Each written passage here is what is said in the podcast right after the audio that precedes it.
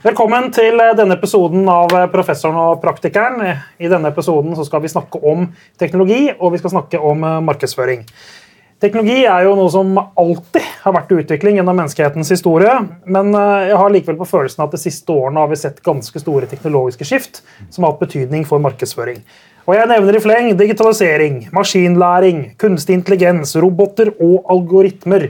Og disse begrepene flyr jo, og Det er ikke så lett for menigmann som ikke er teknologer, å forstå hva dette innebærer og hva det egentlig handler om. Og ikke minst vi som jobber innenfor markedsføring og kommunikasjonsfaget. Så Alf og jeg vi trenger rett og slett litt hjelp til å sortere ballene og hjelpe oss til å spå om fremtiden og forstå den nåtiden vi er en del av. Så hva er egentlig de neste teknologitrendene? Hva skal vi følge med på? Og så videre, og så videre. Og For å hjelpe oss med dette så har vi invitert eh, futurist, eh, profesjonell konferansier, foredragsholder og teknologientusiast Eirik Normann Hansen. Så velkommen, Eirik. Tusen hjertelig takk. Hyggelig å se dere to igjen. altså. Det er ikke så lenge Jeg trodde du skulle komme med sånn jeg tenkte at du, du kom som en avatar. Jeg er. Jeg er jo et helt der på julebord. Du er, du er så futuristisk. Ja, men jeg sa, jeg sa. Du er på julebord. Jeg er på julebord, ja. Han er fortsatt Okay. Så hvem er det som er høy? Nei, det er meg. Ja, ok. Det er meg også. Det er flere meg. Det er meg. Ja, okay. Det er helt Dette riktig. ordner seg. Ja, ja. Jeg tror det ordner seg. Men Du, ja. vi skal starte en samtale. Så må jeg spørre, kan vi gå litt sånn tilbake i tid. Og så kan vi stille spørsmålet Hvilken teknologiske endring i fortiden har mest å si for dagens markedsføringspraksis? Jo, He, altså, he, det er litt kjedelig svar, kanskje, men internett. For Det var nesten regna med at du skulle si. Ja, jo, men, liksom, men det er noe med det. fordi at eh, Jeg pleier å bruke et eksempel når jeg snakker om fremtida. så er jo det noe av det vanskeligste man gjør. Så Det å vite hva som skjer i fremtiden, er jo faktisk ingen som kan det. Vi kan prøve å gjette litt basert på det vi vet nå. Eh, Men det vi vet nå, det blir antagelig ikke helt sånn som vi tror når fremtida kommer. Mm. Og så har det riktignok blitt Vi har blitt litt flinkere fordi vi har flere verktøy å bruke. Men tenk på liksom i, på 80-tallet, begynnelsen av 90-tallet. Ingen som hadde peiling på at internett skulle komme. Og så plutselig så har vi et informasjonsnettverk ikke sant, som omfavner hele jordkloden, som gjør at vi kan gjøre helt vanvittige ting. Både på godt og vondt, eh, naturligvis. Men det vil jeg påstå.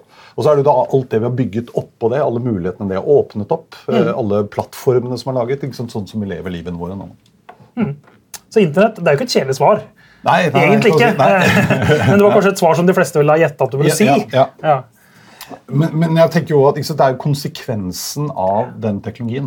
Eh, og når vi da begynte Internett 1.0, eller 1, som var, da kunne vi lese. Da lagde vi noen standarder som gjorde at uansett om du satt her eller der, eller hvilken maskin du var på, så kunne jeg publisere noe som du kunne lese i et format som var sånn noenlunde forståelig.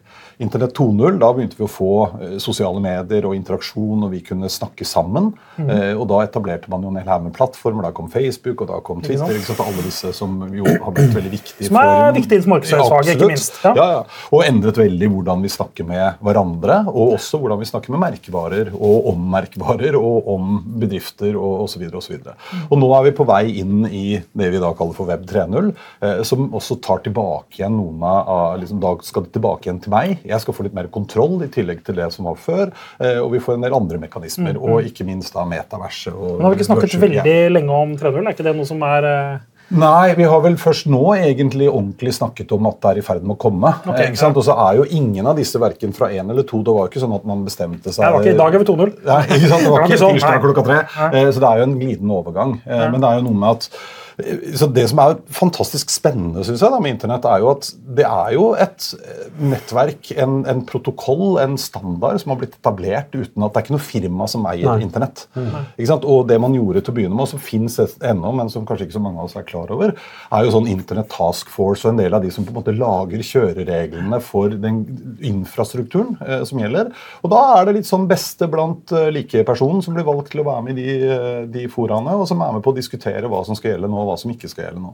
Og det har liksom utviklet seg fremover. Og så har det åpnet opp litt mer interaktivt. Etter hvert som vi har fått mer kapasitet og bedre datamaskiner, så har vi kunnet gjøre flere ting. ikke sant? Og så beveger vi oss videre fremover. Men ta, Eh, ta ja. utdyp litt det der du sa nå, 3.0. eh, Internett 3.0. Hva, hva, er, eh, hva, hva tror vi nå, da? Ingen som vet, men hva tror vi blir konsekvensene? Ja, nei, det- Det man snakker om da, er jo også en, en større grad av desentralisering og demokratisering. igjen, ikke sant? Fordi at nå har jo Internett 2 ble jo veldig styrt styrt av de store plattformene. Da kom Google og Facebook og alle disse. ikke sant? Og det er de som eier mange av de tjenestene og plattformene vi bruker. Internett 3.0 så ser man for seg at vi skal ta det tilbake igjen. Eh? Hvor jeg og du kan gjøre ting uavhengig av de store plattformene eller på kryss og tvers av de store plattformene.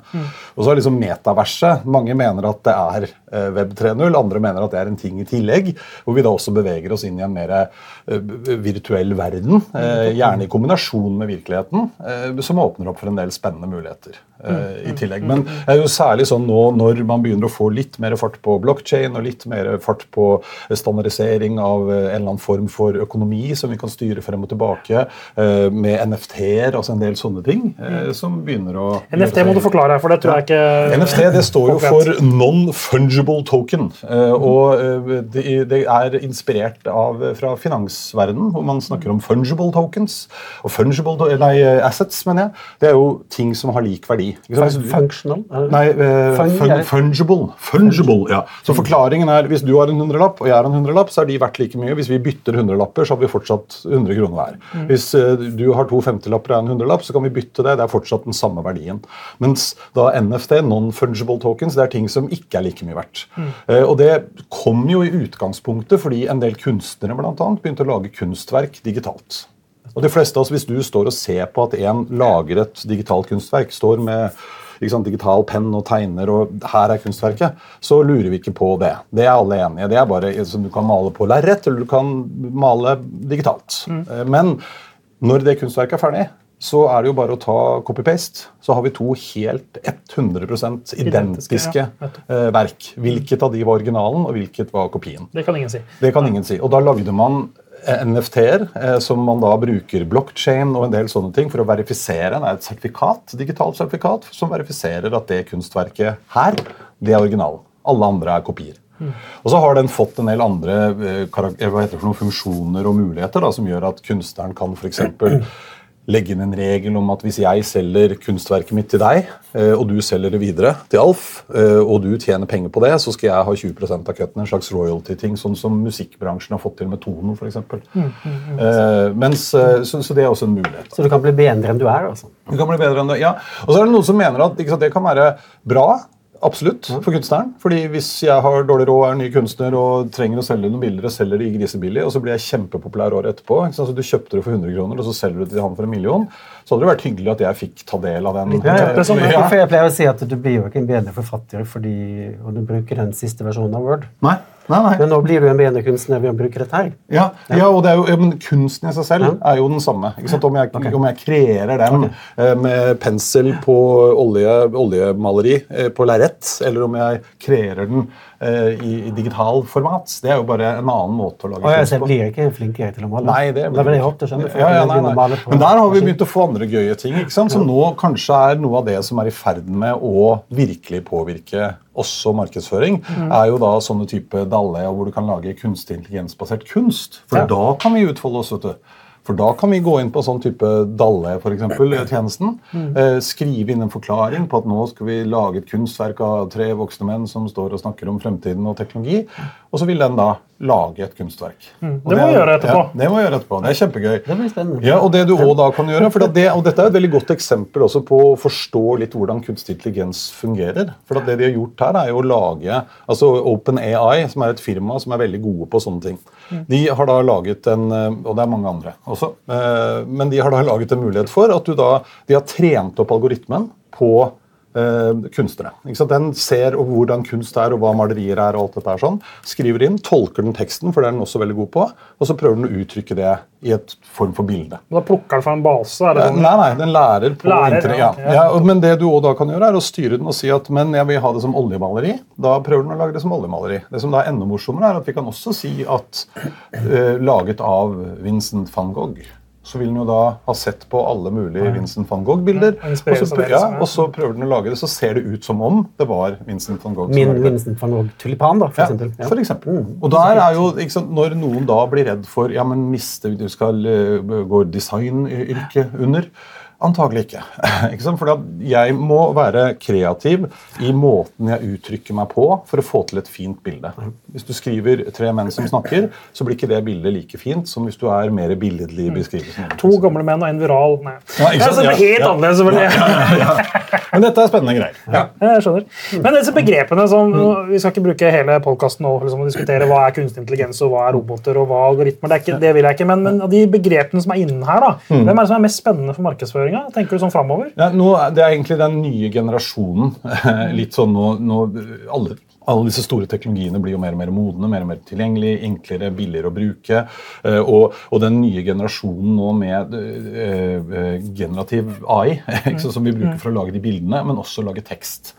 Og tekst har vi kommet ganske langt på nå. Ja. Eh, Og Det betyr at den kan da f.eks. basert på en profil, en tekst, en beskrivelse du har lagt inn eh, for annonsene dine for eksempel, på Google, så vil den nå kunne tilpasse innholdet, beskrivelsen i de tekstene, eh, basert på hva folk faktisk er opptatt av, eh, hvor de er, hvem de er, når på døgnet det er, eh, for å tilpasse ordlyden. Så dette er undergangen for reklamebyråene? Nei, det tror jeg heller ikke. Det var, jeg var på eh, 8 Minutes her for litt siden, kan man vel si. Og da var det en fra Rocket som holdt et fantastisk innlegg om akkurat det. Fordi det er litt sånn, Kommer det til å kunne gjøre disse tingene? Ja, det gjør det. Kommer det til å bety døden for oss? Nei, det gjør det ikke. Fordi vi må forstå hva vi kan bruke det til. For at Noen må tilpasse, noen må gi den input, noen må passe på at den oppfører Kanskje du trenger færre folk, da? Ja, kanskje du gjør det, eller sånn som har skjedd i veldig veldig mange bransjer, er at vi er jo stort sett litt underbemanna overalt. ikke sant? Og vi kan også bruke teknologi for å kunne ta større markedsandeler selv, kunne levere, gjøre mer med den ressurspoolen vi har eh, fra før. Så det tror jeg nok. Og så er det åpenbart at noen yrker blir veldig annerledes enn det de er i dag. For at en jobb ikke sant, så er ikke én oppgave. En jobb består av en hel haug med oppgaver. den. Så noen av disse oppgavene kan du da få hjelp av maskinen til å gjøre. Andre kan du få støtte, få inspirasjon, hjelpe deg å finne ting. Eller kanskje bruke mer tid på det som vi mennesker er best på? Best på, ikke sant? Ja. Hva da? Hva er det for noe? Ja, men, Julebord. Ja, ja, ja. Skrive inn sånne tekster. Nei, men det som eh, Julebord, ja, beste julebord. hører på det nå, det er jo eh, Jeg har hatt en sånn skepsis til mange sånne Kall det for digitale profeter. da. Ja. Fordi, Og du er ikke blant de som har vært skeptisk til? Bare for, for, Ja, takk, takk, takk. Det sier når du er til stede. i hvert fall. Nei, men Poenget mitt er nemlig at eh, mange snakker om at dette kommer til å erstatte alt. Ja. Dette kommer til å, Alt blir forskjellig, alt blir nytt, alt blir sånn. alt blir sånn. Mm.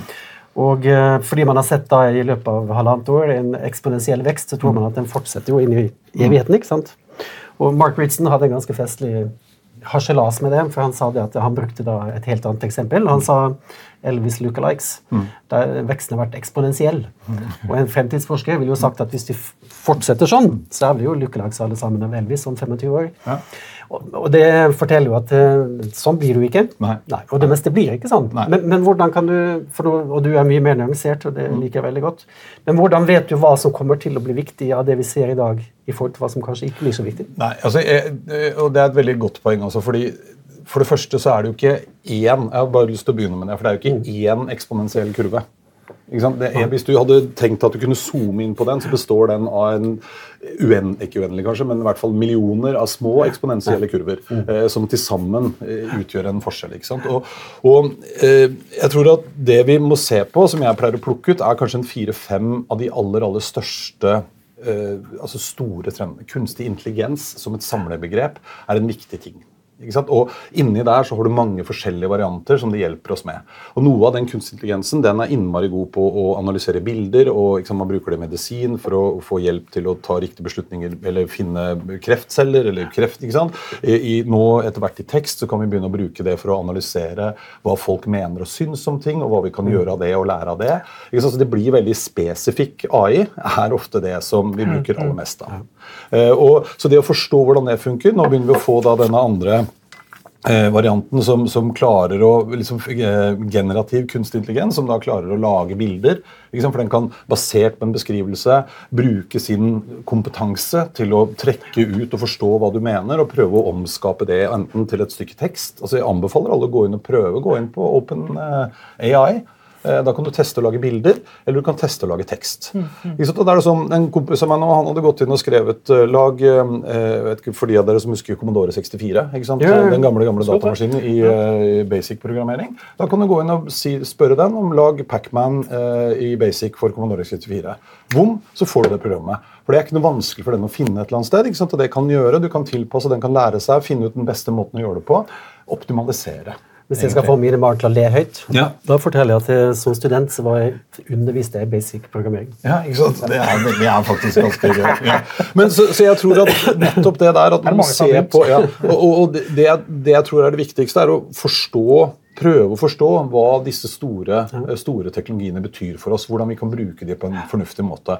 Og så er jo vi mennesker også litt sånn at når vi oppdager noe nytt og har en eller annen idé om hvor dette kan ta oss, så blir vi veldig glad i det der eh, ytterpunktet. ikke sant? Eh, Så vi veit jo det over tid at vi er ofte mye Vi tror at ting skal komme mye fortere enn de gjør.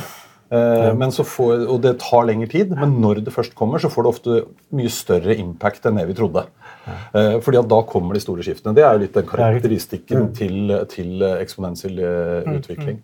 Så, så jeg tror at nå har vi slutta litt med å tro at kunstig intelligens skal ta over verden og bli smartere enn oss. Og? For den er jævlig mye smartere enn oss unnskyld, eh, på spesifikke ting. Vi slår ikke den på å finne mønstre for uh, søkeordsutvalg på Google-annonser. said, Men eh, den samme algoritmen kan ikke spille sjakk, f.eks. Da må du programmere den om.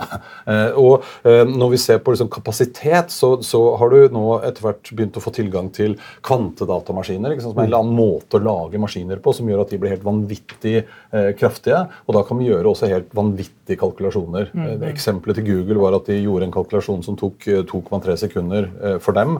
Ville tatt 10 000 år for en vanlig superdatamaskin. Ja, så.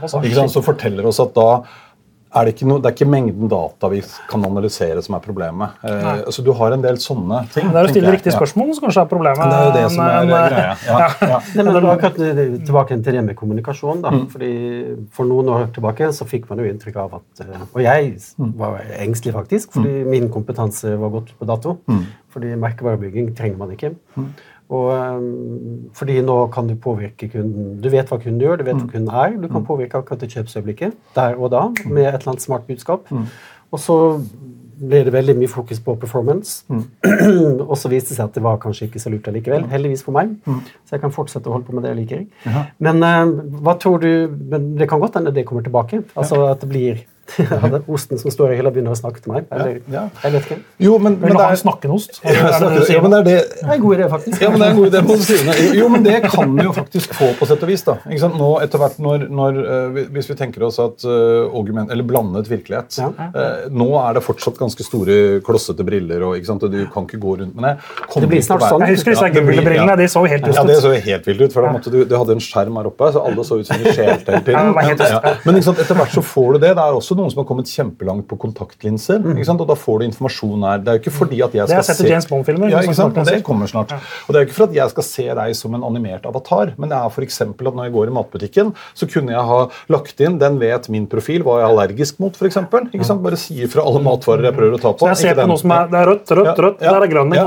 Og så kunne jeg jo tenke meg da, at jeg istedenfor å skulle prøve å lese på den der lille eh, knotten som ingen av oss klarer å lese på likevel, så kunne jeg bare spurt den osten da, om hva den inneholder, hva den passer til, eller hva det enn måtte være. Ikke sant? Det er, sånne type ting kommer til å komme.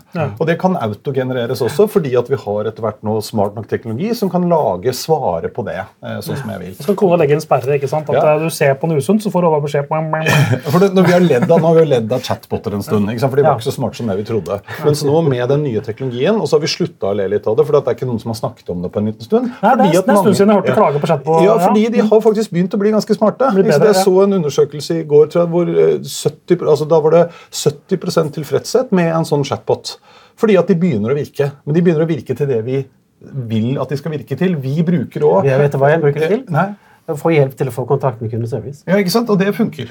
Øyeblikk. Men betyr, men, betyr det at uh, man ofte er litt for tidlig ute med sånne teknologiske endringer? Ja. At, eh, de som har starta det for tidlig, eller så blir det bare teit, men nå ikke sant, nå ja, ja, men sånn er det med alt. Ja. Eh, Nesten, i hvert fall. Mm. Fordi at vi har jo, Når man oppdager det nytt og ser at det er en god idé, så gjør vi jo det. Og så går det jo ikke bra nødvendigvis de første gangene. Eh, Og i og med at teknologien utvikler seg så fort også, så, så hender det jo at den ikke er moden nok. I teorien så kunne det gått an, men vi er ikke der helt ennå. Og så har det jo også vært vært liksom, Norge er jo et litt rart land nå. for at vi eh, hva er det de sier for noe? Altså, vi skal teste ut nye dingser, så selger de i Norge. For at Vi kjøper jo alt vi får. Faktum er at vi bruker det ikke til noe annet. Folk kjøper de feteste mobiltelefonene, men de driver fortsatt og ringer, gjør de samme tingene som de gjorde på iPhone 10. liksom. Mens, for det er en del funksjoner og en del ting som ikke virker i Norge. ikke sant? Altså type Stemmestyrte assistenter har ikke vært gode nok på norsk. Vi har ikke hatt tjenester som har vært kobla opp på samme måten. Jeg pleier også å bruke, bruke et sånt eksempel fra en tidligere kollega av meg, som hvis svigermor eh, er eh, amerikaner, og de er jo ofte og besøker henne i USA, og så sto han og lagde middag med henne, da, eh, og de holdt på på kjøkkenet og syntes det var kjempegøy, og så sier hun plutselig at unnskyld, Andreas, men Alexa, jeg trenger chili. Og så fortsatte de å lage mat, og så gikk det 20 minutter, så ringte det på døra, så kom det en fyr og leverte chili. Og det ville aldri gått i Norge. Nei, vi? Sånn at Vi syns det er kjempeartig når den kan skru av på lyset, og jeg kan høre på radioen, mens der har det i mange, på mange områder blitt en helt naturlig integrert del For det er kommet tjenester som er koblet på. Ja, fordi- men, men er det en generasjonsgreie òg? For jeg merker Siri på iPhone. da. Den bruker jeg aldri. Mm. Nei. Jeg har ikke noe behov for. Men jeg ser at barna mine Ja. bruker den stadig vekk. Ja. Og dette er jo bare, altså Husker dere når eh, mobiltelefonene kom, og de første handsfreene kom? ikke sant? Når vi fikk sånn ledning og greier, og du putta i øret. Folk skammet seg jo, man gjemte seg jo, for man turte jo ikke å gå rundt på gata. Man Folk- så idiot ut, da. Ja, du gjorde jo det, men det er jo ingen som tenker på det nå. Ikke sant? Hvis du ser rundt deg på trikken og bussen når du går ute, så går jo halve Norge rundt og prater i lufta. ikke sant? Det har vi vent oss til. Så det er nok litt vane. Og så er det nok litt altså den terskelen man skal over. Ja, nettopp, over da. Ja. Det, men, ja, nei, og tenk på det her òg, når, når det nå begynner å gå, for nå begynner det å komme. Ikke sant? Nå begynner det å komme, nå, nå lanserte Apple kommer nå med sin HomePod også, som du kan snakke til. Så nå får du Siri smarthøyttaler hjemme. Og vi har uh, Google sin, og vi har Alexa. og det begynner Jeg å har komme. Google og hatt ja. Google noen stund nå. Ja. Jeg bruker den jo bare til å høre på musikk. Ja, ja, ja. Men, Jeg vet ikke hva jeg skal bruke den til. Nei, men når det begynner å komme flere og flere tjenester, og barna våre, de som vokser opp nå, som ikke nødvendigvis er så innmari unge lenger, da, alle sammen, eh, de har et helt annet forhold til det, og da kommer også tjenestene. Og Når vi da skal begynne med markedsføring og søkemotoroptimalisere ting, eksempel, der hvor vi har vært vant til å gå inn på Google og skrive og få en side, så vil du da få ett treff. Når du ber Google-nesten din om å, assistenten din om å finne noe for deg, så vil den finne det treffet som den tror og mener er det mest relevante. Det ene. som den Og med kunstig intelligens kanskje lærer òg, da. Lærer hva jeg pleier å synes er ok. Ja. liksom. Og der får du jo an ja. Nei, vi bruker jo ny teknologi til det som vi håper vi brukte gammel teknologi til. Sant? Og da Internett 1.0 kom, Mm. Ja, da, jeg vet ikke når det var, år 2098 ja, eller 90, rundt ja, der. Og, så, da hadde vi en avdeling i byrået som het SLB Interaktiv. Mm. Og de drev og laget hjemmesider for type munkholm.no, Ja, ja. der folk skulle gå inn og leke seg med Munkholm. Uh, De gikk jo ganske fort over. Mm. Sant? Men vi, poenget var at vi mennesker er så, vi er så nysgjerrige. Hva kan vi bruke dette til? Ja, da? ja. Da hadde vi kursakademia som et e-markedsføring. Ja, ja, det husker jeg. da gikk jeg på eh, BI. 2000. Ja, da gikk jeg på BI. Men jeg synes, også, for meg så var det, da drev jeg byrå eh, den gang da, eh, på begynnelsen av, av 2000-tallet, rett før dotcom-boblen sprakk. Da var det mye sånn fjas.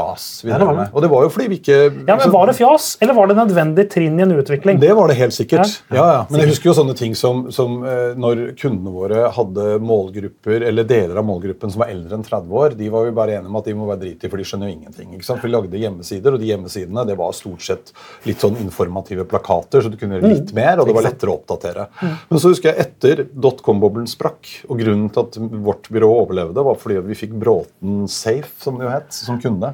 Og de var den, det første skandinaviske flyselskapet som da løftet booking opp på forsiden.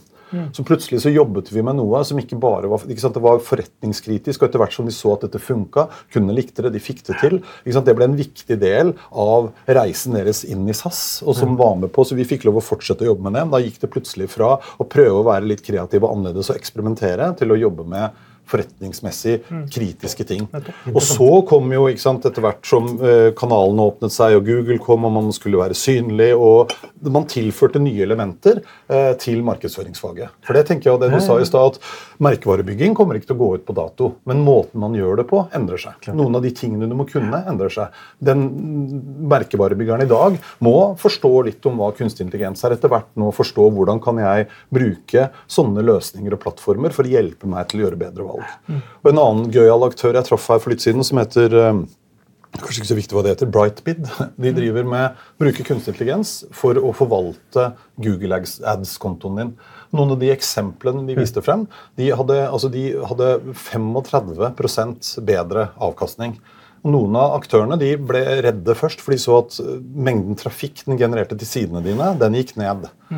Men det var fordi at den tilpasser jo da mange tusen ganger i minuttet basert på hva folk faktisk trykker på, og hva de gjør, og hva som konverterer.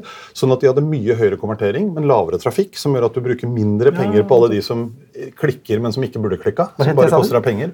Eh, Brightbid. Ja.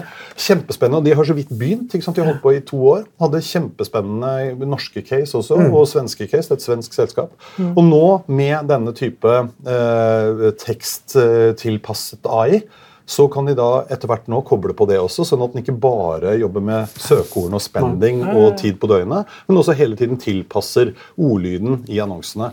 Og dette er ikke for å erstatte oss, for at ingen, det fins ingen kreatør eller eh, menneske i verden som kan gjøre det 2000 ganger i minuttet. Det du kan gjøre, er å da sitte i dashbordet og følge med på hva er det som funker, hva er det som ikke funker. Kan jeg tune? Liksom, noen ting skal du manipulere, og passe på at den ikke går bananas også. Så du får samme type jobb, men med andre funksjoner og annen kunnskap du må, må tilegne deg. bare for å putte inn enda et buzzword som vi ikke har snakket om så langt. VR. Virtuell eh, hva heter det, virkelighet. Ja. Eh, tidligere, fem-seks år siden, så snakket man at det var liksom løsningen for reiselivsbransjen, hotell og markedsføring av det at man kunne gå inn og se hotellrommet før du booka av og bruke VR-teknologi og den type ting. Så det er litt stillere om det det siste. Er det en grunn for det, eller er det Ja, fordi Når alt kommer til alt, så har du jo mer lyst til å dra til det hotellet enn å se det i VR. Og Ideen var jo det var jo samme eiendomsbransjen, ikke sant? at du skulle da kunne gå på virtuelle visninger. Ikke sant? Noen har det. virtuell uh, prøvekjøring av bil? Ja, Ja. Noen har det, og det, det har for så vidt vært artig, det. Eh, Men uh, litt også fordi at den teknologien var jo ikke moden nok.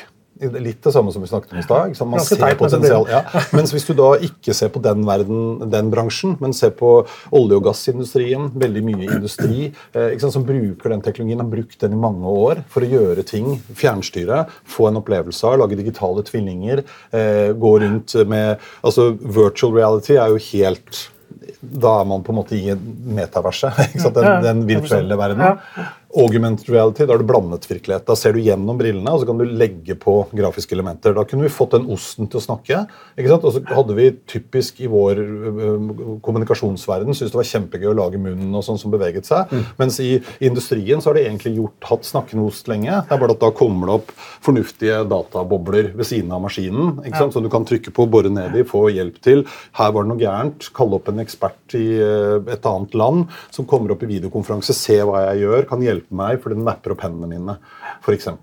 Sånn at jeg, jeg, her har vi jo nå Det har jo skutt fart gjennom pandemien eh, fordi at en del plattformer, bl.a. Meta, som nå De har satsa så mye penger. Det er vel ikke noe selskap i verden som har tapt så mye penger noen gang som det de har gjort på den satsingen. Men at dette kommer til å bli mer modent, at det kommer til å komme eh, på mange områder, er man jo helt sikker på. Men det er egentlig det jeg nevner, nevnte som eksempel i stad, er nesten også et eksempel på at man kanskje er litt for tidlig ute Ja. med ting som ikke er helt modent. Ja, ja. Det er en god idé, men vi er ikke helt der ennå, fordi det er ikke god nok brukertilgjengelighet eller brukeropplevelsen er ikke god nok. Og Nei, jo, det er, det er ikke enkelt nok. Nei, ikke det, særlig, til å begynne med var det jo det. Fordi ikke bare nå så koster jo fortsatt de MetaQuest 2, som er liksom konsumerbrillene, koster en 5000-6000 kroner. Og, og det er jo mye penger. I tillegg så skal du ha dem på deg. Det skal settes opp på, ikke sant, og Før var det enda vanskeligere. Men, men igjen så begynner det å komme ikke sant, eh, ting som er ganske relevante. da. Og Jeg hadde en gøyal opplevelse under eh, pandemien når ja, På denne tiden av året, julebordene kom, og vi hadde ikke lov av julebord. Så var det et lite selskap her i Oslo som eh, ikke syntes det var så trist at de ikke fikk ha julebord. Så de hadde kjøpt VR-briller til alle de ansatte. De var ikke så innmari mange. Så hadde de julebord i VR. Og så tenkte de at da må jo du, jeg skulle komme da, og holde foredrag. Og da møtte jeg opp da en halvtime før, fordi jeg måtte jo komme, jeg skulle jo være hemmelig gjest. og sånn, Så jeg måtte inn i dette virtuelle rommet som vi skulle være i. Som var en forelesningssal fra Harvard, tror jeg, for det er litt gøy. for det kan man velge. Og så sto jeg der og snakket med Chris, da, oppdragsgiveren min, og så måtte jeg da gå meg på bakrommet. Du har jo ikke bein da i den versjonen av jeg, så jeg kjørte inn på bakrommet. Sto i døra der og tittet på at folk kom og satte seg, kunne høre hva de sier. Det er full surround-lyd og sånn. Ble introdusert. Hadde presentasjonen min på veggen. Tok veldig kort tid, og det var litt fascinerende. Tok veldig kort tid fra alle syntes dette var tant og fjas og gøy, til at man satt ned, og så snakket jeg, og de hørte. Jeg hadde presentasjon. Etterpå var det Q&A. Folk rakk opp hånden. Det var lett å høre hva alle sa, for det er jo fint i VR. ikke sant? Og så Det morsomme var at jeg satt jo hjemme hos meg selv eh, med VR-briller på. Alle deltakerne satt hjemme hos seg selv med VR-briller på. Etter at jeg var ferdig, så ble jeg stående og snakke med to stykker sånn som nå, og så sier plutselig han ene å, det er et ledig sofa der borte vi går og setter oss. Var det deilig å sette seg? Vi hadde liksom glemt at vi hadde sittet hele tiden. Og det sier jo noe om liksom, hvordan det påvirker oss. Og så, ja. Nei, nei, og så har jeg blitt, fordi Det er litt sånn, litt sånn det åpenbare use case. ikke sant? Og Da ser man for seg er det nødvendig. Ja, det var det da, for det skapte en helt annen opplevelse. Hvis du tar det ett hakk videre og tenker at vi er i den verden vi er nå. Jeg kunne godt reist, men akkurat i dag har ikke jeg tid, men dere har. Nå kan vi allerede møtes da i et virtuelt rom. Dere er i det fysiske, jeg er i det virtuelle. Vi kan kjøre whiteboard sammen og gjøre ting som vi vanligvis gjorde sammen. Helt annen opplevelse enn i Teams. Så er det et norsk selskap som driver med hjertekirurgi eh, for å ta det takk til, med HoloLenses fra Microsoft, AR-teknologi, se igjennom. Istedenfor å åpne brystkassa di, så kan de nå skanne hjertet ditt, og så får de et digital versjon av hjertet ditt som de kan se på i lufta. Hvis han trenger hjelp fra en ekspert i Tokyo, som vanligvis ikke kan være med, så kan han kalle opp han nå, ta på briller, de ser på sammen. Neste instans er å faktisk gjøre operasjonen, altså den ytterste konsekvens, på hjertet, det digitale hjertet. Når maskinen sier at nå er det trygt, gikk bra, så er det en robot som gjør akkurat det samme på deg. Ja, ja. Og, det, og det er det da, når vi kan det, så kommer det til å bety noe for oss. Dette er løsningen du, for B- BI i framtiden. Vi, Ja. vi, har, vi har ikke vi slutter med campuser. Alt er virtuelt hele tiden. Ja, men det er, altså, jeg tror jo det at eh, altså det som pandemien tvang oss til, Ja. det var jo å, å sitte hjemme og være på Teams. Ja, ja, ja. Og det funker jo, det. Altså, jeg har aldri vært så effektiv i mitt liv som å kjøre fokusgrupper i Finland i Tampere med å sitte hjemme. Ja.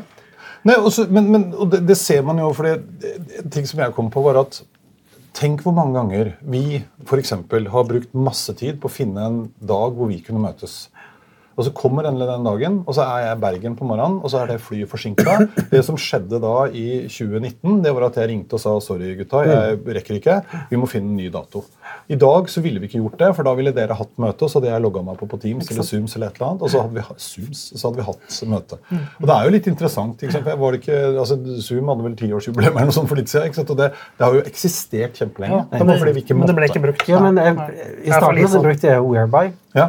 Og det er det vel ingen som bruker lenger. tror jeg. Jo, jo, jeg, jeg bruker det ennå. Ja. Ja, kjempe, Det er norsk, vet du, så vi må heie litt. Ja, ja, ja, Du kan ta på sånn rød nese og ja, ja. ja, nei, det har de kutta ut. Har de kuttet ut? Ja, de har Blitt seriøse. ja, blitt seriøse. Ja, ja. Men du, den der VR-julebordet ditt, da, har du hatt flere sånne?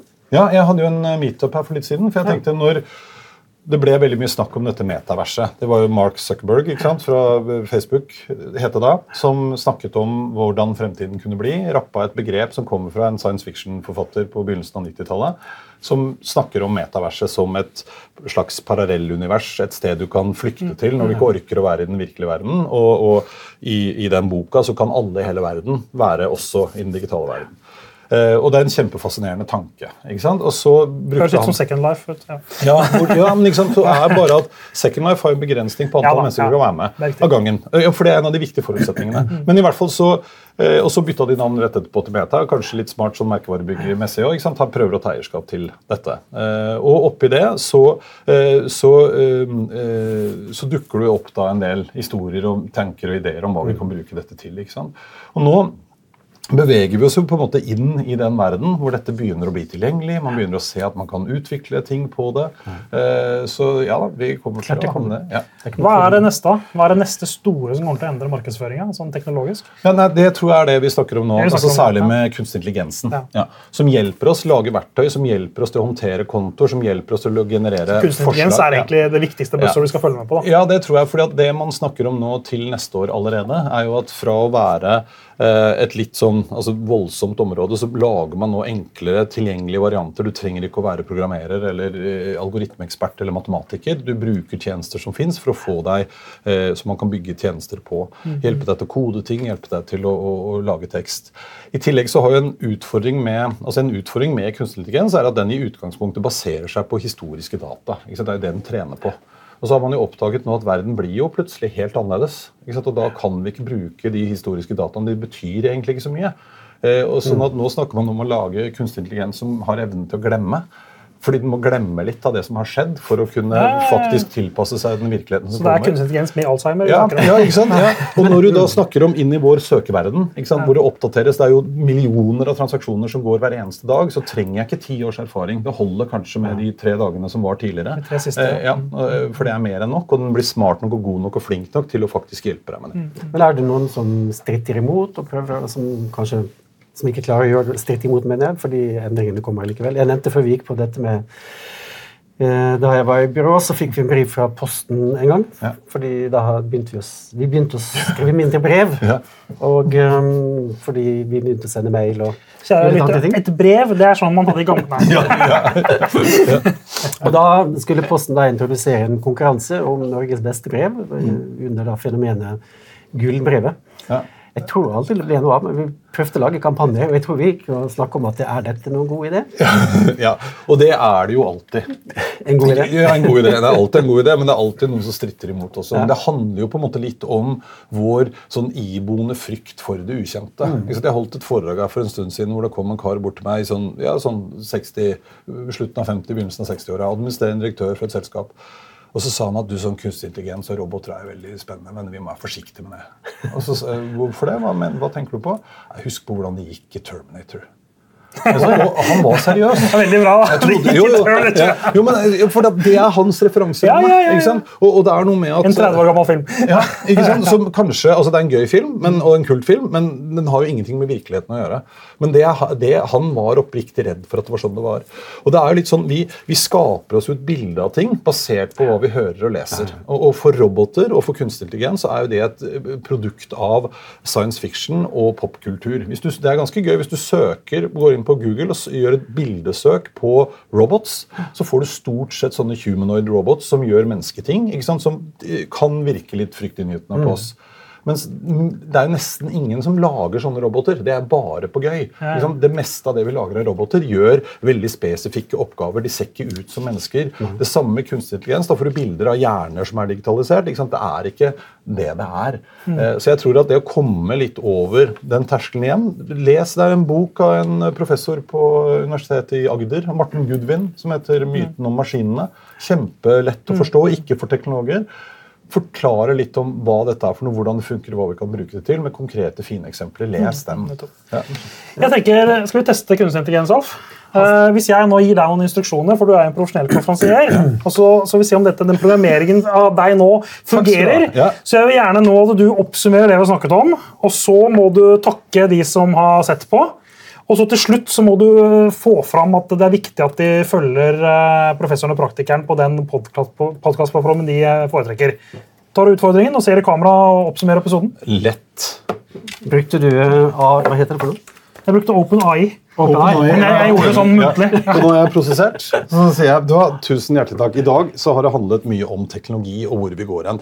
Utfordringen er jo at man tenker at ting forandrer seg så forferdelig fort. Men det tar kanskje litt lengre tid enn det vi hadde tenkt før det skjer. Men det viktige det er jo å følge med på hvordan det utvikler seg, fordi på et eller annet tidspunkt så kommer det til å komme. Så du må skjønne mer av kunstig intelligens, hvordan det påvirker oss som mennesker, som organisasjoner, hva det betyr for faget vårt. Og husk på at dette handler ikke om at jobben din skal bli borte, men at måten du gjør den på, kommer til å endre seg. Og det må vi følge på med inn i fremtida. Så tusen hjertelig takk til alle dere som har fulgt med oss i dag. Det har vært en glede å få være til stede og underholde dere. Og husk på, følg alltid professoren og praktikeren i alle de iPod-kanalene Sånn iPod, hører du? iPad, hva heter det for noe? Podkast-kanalene som du liker. Takk for i dag. Lik stemmeløst!